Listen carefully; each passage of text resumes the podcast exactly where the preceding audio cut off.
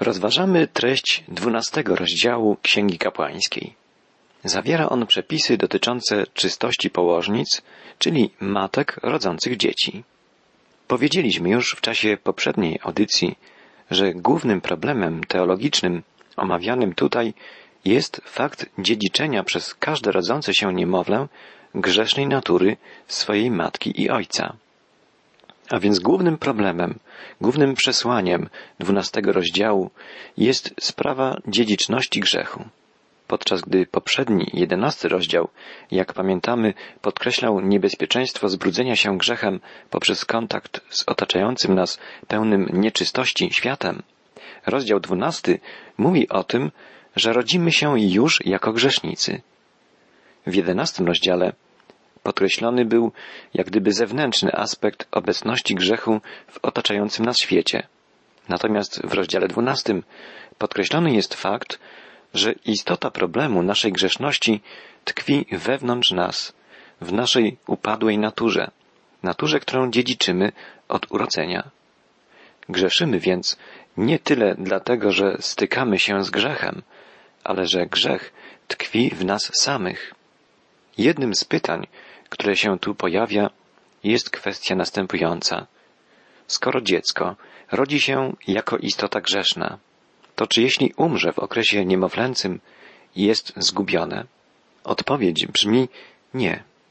Pan Jezus powiedział, baczcie, abyście nie gardzili żadnym z tych małych, bo powiadam wam, że aniołowie ich w niebie ustawicznie patrzą na oblicze Ojca mego, który jest w niebie. Słowo aniołowie powinno być właściwie przetłumaczone tutaj jako duchy. To znaczy, że gdy małe dziecko umiera, jego duch wędruje do niebieskiego Ojca. Dlaczego? Ponieważ Jezus zmarł za grzeszników, a małe dziecko nie jest w stanie świadomie podjąć decyzji przyjęcia lub odrzucenia daru zbawienia.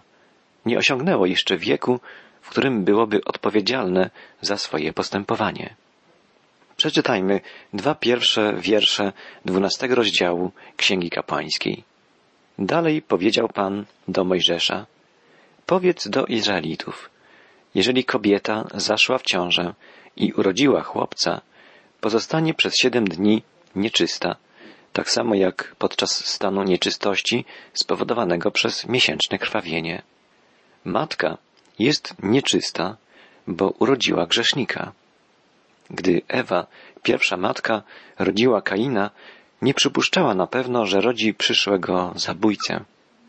Przepis prawa mówiący o nieczystości kobiety w okresie połogu miał przypominać wszystkim kobietom izraelskim o tym, że wydają na świat grzeszników. Ich dzieci mają grzeszną naturę, tak jak każdy człowiek. Okres nieczystości kobiety był podzielony na dwie części. Pierwsza część trwała siedem dni. Ósmego dnia dziecko rodzaju męskiego było obrzezywane. Obrzeska obowiązywała już Izraelitów od czasów Abrahama. Dalej w dwunastym rozdziale Księgi Kapłańskiej czytamy Ósmego dnia chłopiec zostanie obrzezany. Potem ona pozostanie przez trzydzieści trzy dni dla oczyszczenia krwi, nie będzie dotykać niczego świętego i nie będzie wchodzić do świątyni, dopóki nie skończą się dni jej oczyszczenia. Drugi okres nieczystości położnicy trwał 33 dni. W sumie więc przez 40 dni matka, która urodziła syna, uznawana była za nieczystą. Obrzezanie dziecka było znakiem oczyszczenia i przyjęcia nowego Izraelity do ludu przymierza, ludu wybranego. Jezus również został obrzezany, aby wypełniło się prawo mojżeszowe, w którym był on wychowywany. Jezus nie przyszedł po to, by łamać prawo, ale by je wypełnić. Utożsamił się ze swoim ludem. Jego matka, Maria, złożyła wymaganą przez prawo ofiarę po upłynięciu dni jej oczyszczenia. W wierszu piątym czytamy Jeżeli zaś kobieta urodzi dziewczynkę, będzie nieczysta przez dwa tygodnie, tak jak podczas miesięcznego krwawienia. Potem pozostanie przez sześćdziesiąt sześć dni dla oczyszczenia krwi. Czas oczyszczenia matki, która urodziła dziewczynkę, był dłuższy trwał 80 dni, czyli dwa razy dłużej niż w przypadku urodzenia chłopca. Wpływ na to miał fakt, że tylko chłopcy byli obrzezywani i że obrzeska, będąca znakiem oczyszczenia i przyjęcia dziecka do ludu przymierza, skracała okres oczyszczenia matki. W przypadku, gdy rodziła się dziewczynka, okres ten nie był skrócony. Dzisiaj żyjemy w erze łaski. W liście apostoła Pawła do Galacjan czytamy Wszyscy, którzy zostaliście w Chrystusie ochrzczeni, przyoblekliście się w Chrystusa. Nie masz Żyda, ani Greka, nie masz niewolnika, ani wolnego, nie masz mężczyzny, ani kobiety, bowiem wy wszyscy jedno jesteście w Jezusie Chrystusie. A jeśli jesteście Chrystusowi, wtedy jesteście potomkami Abrahama, dziedzicami według obietnicy. Te wspaniałe słowa znajdujemy w trzecim rozdziale listu do Galacjan. A w dwunastym rozdziale Księgi Kapłańskiej czytamy dalej od wiersza szóstego. Kiedy zaś skończą się dni jej oczyszczenia po urodzeniu syna lub córki, przyniesie kapłanowi przed wejściem do namiotu spotkania jednorocznego baranka na ofiarę całopalną i młodego gołębia lub synogarlicę na ofiarę przebłagalną. Kapłan złoży to w ofierze przed Panem, aby za nią dokonać przebłagania. W ten sposób będzie ona oczyszczona od upływu krwi. To jest prawo dotyczące tej, która urodziła syna lub córkę. Jeżeli zaś ona jest zbyt uboga, aby przynieść baranka, to przyniesie dwie synagorlice albo dwa młode gołębie, jednego na ofiarę całopalną i jednego na ofiarę przebłagalną. W ten sposób kapłan dokona przebłagania za nią i będzie oczyszczona. Po upłynięciu dni oczyszczenia matka zobowiązana była złożyć w ofierze całopalnej baranka i w ofierze przebłagalnej młodego gołębia lub synogarlicę. Nie była więc uświęcona czy zbawiona, jak dzisiaj wierzą niektórzy, przez to, że wydała na świat dziecko. Dzięki uświadomieniu sobie swojej i dziecka grzeszności była przygotowana do takiego wychowania swego potomka, by przyjął on ratunek z rąk Zbawiciela. Jak bardzo potrzebna jest nam dzisiaj świadomość, że powinniśmy wychowywać nasze dzieci tak, by prowadzić je do Jezusa.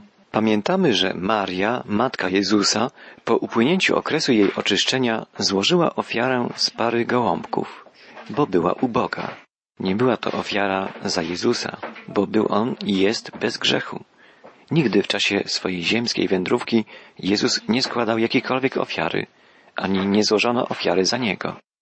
On sam został złożony jako ofiara za grzechy świata. On jest barankiem Bożym. Zastanówmy się przez chwilę nad tym, o czym mówimy. Żyjemy na świecie, który zmierza ku niewiadomej. Jest coraz więcej niepokoju, coraz więcej pośpiechu. Ludzie odwrócili się od wszechmogącego Boga i pędzą przed siebie ku zatraceniu. Czeka ich sąd Boży.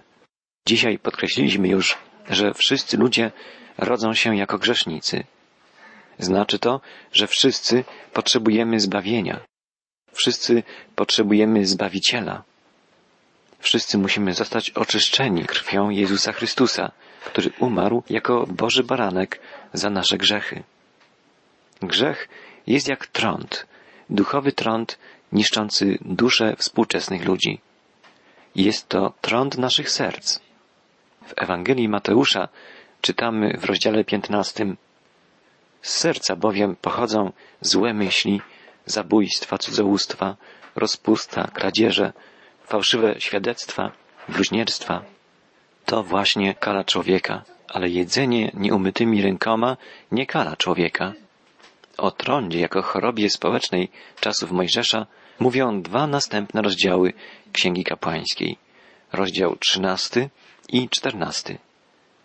Moglibyśmy zastanawiać się, czy dzisiaj gdy trąd jako choroba nie jest tak groźny jak wtedy, warto roztrząsać szczegółowe przepisy dotyczące tej choroby. Czy zasady postępowania stosowane w tamtych czasach mają nadal praktyczne znaczenie?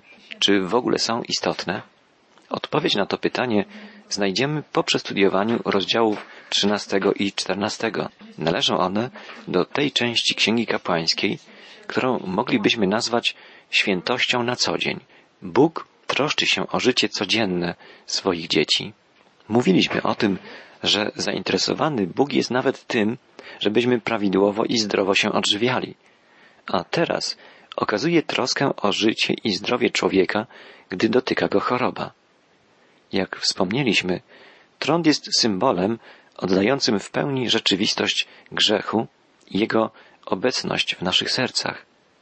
Grzech, który toczy nasze serca, manifestuje się w naszym postępowaniu, w naszych myślach i czynach. Postać człowieka chorego na trąd jest wiernym obrazem grzesznika. W jego beznadziejnej sytuacji skazanego na śmierć. Chory na trąd, idący zakurzoną, spieczoną słońcem drogą, krzyczący nieczysty, nieczysty, przypominał wszystkim Izraelitom o nieczystości ich serc i o potrzebie ponadnaturalnego, zbawczego uzdrowienia.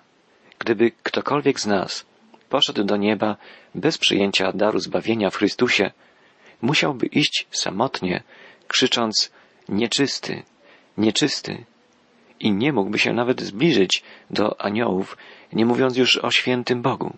Nikt z nas nie może nawet marzyć o zbliżeniu się do Boga. Nie możemy o tym marzyć bez poddania się oczyszczającemu obmyciu krwią Chrystusa. Wielu ludziom wydaje się, że poprzez dobre czyny, poprzez zasługi zbliżą się do Boga i że zaskarbią sobie Jego przychylność. Nie. Nasze wysiłki spełzną na niczym. Jedyną drogą dotarcia do Boga jest przyjęcie usprawiedliwienia w Jezusie, wyznanie swojej grzeszności i skorzystanie z Chrystusowego daru zbawienia. Bóg niczego nie jest nam winien, niczego nie możemy od Niego żądać. Mógłby zakończyć egzystencję pyłku w kosmosie, jakim jest nasza Ziemia, mała planeta, zamieszkiwana przez grzeszników, ale On nas ukochał. Jego miłość jest czymś najwspanialszym, czymś najpotężniejszym i najradośniejszym we wszechświecie. Cała nasza nadzieja, cała nasza przyszłość, całe nasze życie zależą od Jego miłości i tylko od niej. Bóg prowadzi nas do domu, do swego królestwa, tak jak Izraelitów. Problemem, który musi być w tej drodze rozwiązany, jest nasza grzeszność. Grzech jest jak toczący nas trąd. Porównanie grzechu z trądem jest w Piśmie Świętym bardzo częste. Psalmista woła Nie ma na ciele moim miejsca, w które by nie było uszkodzone przez gniew Twój i nie ma nic zdrowego w kościach moich z powodu grzechu mojego. Rany moje cuchną i ropieją, ogień pali lędźwie moje i nie ma zdrowego miejsca na ciele moim. Wyznaję winę moją, niepokoję się z powodu grzechu swego. Tak wyznaje Dawid w psalmie 38. Prorok Izajasz również ma na myśli trąd, gdy opisuje grzech swego ludu. Od stóp do głów nic na nim zdrowego, tylko guzy i sińce, i świeże rany, nieopatrzone, ani nieprzewiązane, ani niezmiękczone oliwą.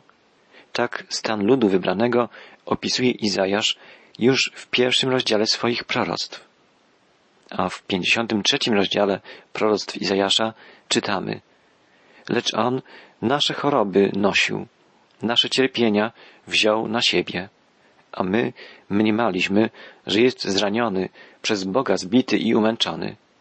Lecz on zraniony jest za występki nasze, starty za winy nasze, ukarany został dla naszego zbawienia, a jego ranami jesteśmy uleczeni. Niektórzy interpretatorzy twierdzą, że Izajasz mówi tutaj po prostu o trądzie i o uzdrowieniu fizycznym z tej choroby. Ale wielki prorok tylko porównuje do trądu nasz grzech i do choroby stan naszej duszy. Mówi to o Mesjaszu, o Chrystusie. Czy możemy być tego pewni? Posłuchajmy, co pisze w swym pierwszym liście apostolskim święty Piotr. On grzechy nasze sam na ciele swoim poniósł na drzewo, abyśmy obumarłszy grzechom, dla sprawiedliwości żyli. Jego sińce uleczyły nas. Apostoł Piotr odnosi więc te słowa do Chrystusa. Byliśmy w sensie duchowym martwi bez Jezusa. On wziął na swoje własne ciało naszą śmiertelną chorobę. Dzięki Jego ranom jesteśmy uzdrowieni. Jest prawdą, że wszelkie fizyczne choroby również spowodowane są grzechem. Choroba jest manifestacją obecności grzechu. Nie zawsze choroba jest karą za grzech. Nie jest karą za grzech pojedynczego człowieka, ale generalnie choroby są wynikiem upadku człowieka w grzech. Gdyby nie grzech, nie byłoby ani chorób, ani śmierci. Przed rozpoczęciem lektury trzynastego rozdziału Księgi Kapłańskiej poczyńmy więc jeszcze dwa spostrzeżenia. Po pierwsze, Biblia nie zgadza się z powszechnym poglądem, że trąd był w tamtym czasie chorobą całkowicie nieuleczalną. W czternastym rozdziale Księgi Kapłańskiej czytamy o możliwości oczyszczenia. Stosowano w tamtym czasie lekarstwa przeciwko trądowi. W ponadnaturalny sposób został uzdrowiony Naaman, o czym czytamy w drugiej księdze królewskiej, w piątym rozdziale. Prawdopodobnie Hiob został uzdrowiony również z trądu. Trzynasty i czternasty rozdział Księgi Kapłańskiej nie zawiera opisu leczenia chorych na trąd. Znajdujemy tu instrukcje dla kapłanów, jak postępować w przypadkach podejrzeń o zachorowanie na trąd i jakie podejmować kroki, by przeciwdziałać rozszerzaniu się tej choroby. Czternasty rozdział opisuje jednak rytuał obmywania człowieka już uwolnionego od trądu, a nie sam proces leczenia. Głównym celem tego opisu jest przekazanie nam duchowych prawd, prawd związanych z obrazem oczyszczenia z trądu jako symbolu grzechu. Po drugie, Biblia nie podaje naukowego opisu wykrywania ani zapobiegania czy leczenia trądu. Nie wiemy do końca, w jakim stopniu ówczesna wiedza pozwalała na skuteczne leczenie trądu. Rytuał postępowania w przypadku podejrzenia choroby ma raczej znaczenie religijne i zawiera wiele duchowych treści, czytelnych dla nas dzisiaj. W gronie chrześcijańskich lekarzy toczono dyskusję, czy choroba, o której mowa w prawie mojżeszowym, to na pewno trąd. Wysłano argumenty za i przeciw.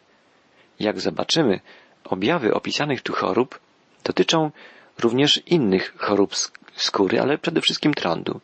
Opis obejmuje poza tym jedynie wczesne stadia trądu. Przeczytajmy dwa pierwsze wiersze trzynastego rozdziału Księgi Kapłańskiej. Pan powiedział do Mojżesza i Arona, jeżeli u kogoś na skórze ciała pojawi się nabrzmienie albo wysypka, albo biała plama, która na skórze jego ciała jest oznaką trądu, to przyprowadzą go do kapłana Arona albo do jednego z jego synów kapłanów. Dzisiaj lekarze często poddają pacjenta dłuższej obserwacji, mimo że dysponują takimi urządzeniami jak USG, sondy, promienie rentgenowskie i tym podobne. Kapłani obserwowali tysiące przypadków i mieli wielkie doświadczenie. Ich diagnozy mogły być o wiele lepsze, niż by się mogło nam dzisiaj wydawać. Jednak ceremoniał postępowania z podejrzanymi o chorobę był bardziej rytuałem religijnym niż kuracją medyczną. Tekst biblijny podaje nam trzy symptomy choroby. Nabrzmienie skóry, wysypkę oraz wystąpienie białej plamy. To mogły być objawy trądu, ale nie musiały być nimi. Pierwszym krokiem w przypadku stwierdzenia takich objawów było przyprowadzenie chorego do Arona lub innego kapłana. Tak powinno dziać się również w przypadku odkrycia pierwszych symptomów grzechu. Natychmiast powinniśmy się udać do najwyższego kapłana, który jest również największym lekarzem. Powinniśmy w modlitwie przychodzić do niego ze wszystkim, z każdym nawet najmniejszym niepokojem. Oczywiście również wtedy, gdy zachorujemy, przeziębimy się, czy poczujemy ból głowy, brzucha czy zęba. W każdej chwili powinniśmy uświadamiać sobie, że wszystko, co się wydarza, jest poddane Bogu i że nic nie zdarza się bez Jego przyzwolenia. Powinniśmy zwracać się do Boga, gdy grzeszymy, gdy chorujemy, i w każdej innej potrzebie. To nie znaczy, że gdy zachorujemy, nie mamy iść do lekarza, ale przede wszystkim pamiętajmy o Jezusie. Przystąpmy tedy z ufną odwagą do tronu łaski, abyśmy dostąpili miłosierdzia i znaleźli łaskę ku pomocy w stosownej porze. Czytamy w czwartym rozdziale listu do Hebrajczyków. A w siódmym rozdziale tego listu znajdujemy wspaniałe słowa o Jezusie. Czytamy, iż może On zbawić na zawsze tych, którzy przez Niego przystępują do Boga, bo żyje zawsze, aby się wstawiać za nimi. Pomódlmy się. Drogi Panie, dziękujemy Ci, że możemy przyjść do Ciebie z każdą sprawą i że Ty zawsze nas wysłuchujesz i zbawiasz. Amen.